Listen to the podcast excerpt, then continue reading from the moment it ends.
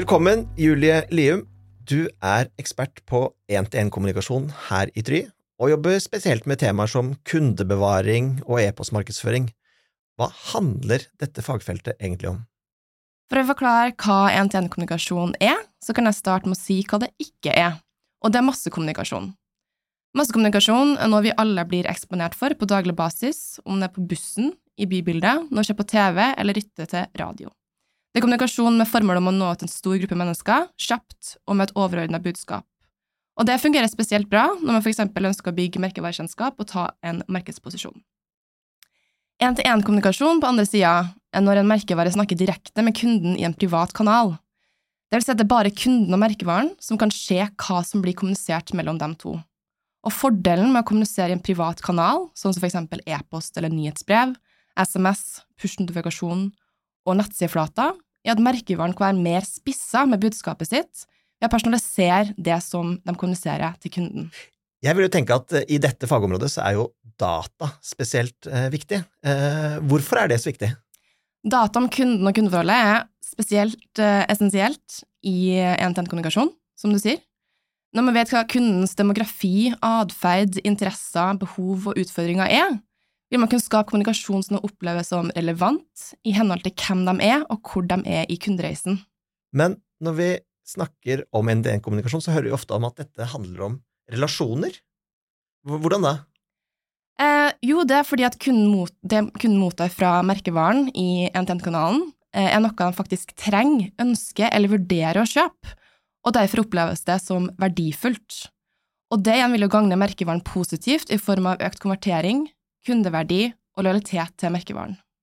Hvem er det egentlig én-til-én-kommunikasjon egner seg for? Jo, det egner seg for alle bedrifter og organisasjoner som ønsker å ta vare på kundeforholdene sine, uavhengig av størrelse på bedrift og type bransje. Det vil si dem som ønsker å forsikre seg om at kundene som kommer inn, får bli kunder i lang tid og ikke forsvinner like fort som de kom inn. Innsikt viser nemlig at det er mer kostnadseffektivt å selge til eksisterende kunder som stoler at merkevaren møter behovene deres, enn nye kunder som ennå ikke har erfart eh, om merkevaren kan levere det den lover. Så egentlig så er svaret alle bedrifter som ønsker å øke lønnsomheten sin ved å få mest mulig ut av de kundene de allerede har. Eh, de bør se på om de bør komme i gang med eller optimalisere bruken av én-til-én-kommunikasjon. Mange bedrifter eh, vurderer jo ulike fagområder opp mot hverandre, og de fleste må jo prioritere på en eller annen måte. Hvorfor er fagområdet ditt viktig å satse på? Først og fremst er det viktig å benytte seg av én-til-én-kommunikasjon for å kunne tilby kunder en best mulig kundereise på tvers av kanaler. Kunder har større forventninger nå enn tidligere til hvordan de ønsker å bli behandla og fulgt opp av en merkevare. Så for å kunne leve opp til det de definerer som en god kundeopplevelse i dag, og holde tritt med konkurrerende aktører, er det viktig å møte kunden på en mer personlig måte, og på deres premisser. Men hva er det som kjennetegner de som virkelig er gode på det? Jo, vi ser at de er veldig sterke på data, teknologi, strategi og kreativitet. Først og fremst er de orden på dataen sin. Eh, de har blant annet GDPR og samtykker på plass, de har rydda opp i hvem som er aktive og inaktive kunder. De har sletta ubrukelig data og spedd på med verdifull data. De har utvikla datamodeller som hjelper dem å predikere hvem kommunikasjonen vil være mest relevant for.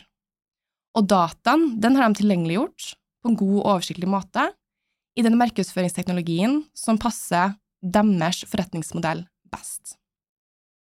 Og så har de den strategiske og ikke minst kreative kapasiteten på plass for å skape kundedialoger og én-til-én-kanaluttak som utfordrer og skiller seg ut i mengden, bygger godt opp under merkevaren, og som effektivt skaper relevans, engasjement og konvertering.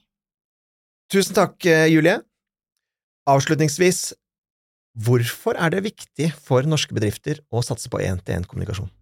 Jo, fordi for mange bedrifter er det en mer lønnsom investering å holde på de kundene man har, enn å hente nye.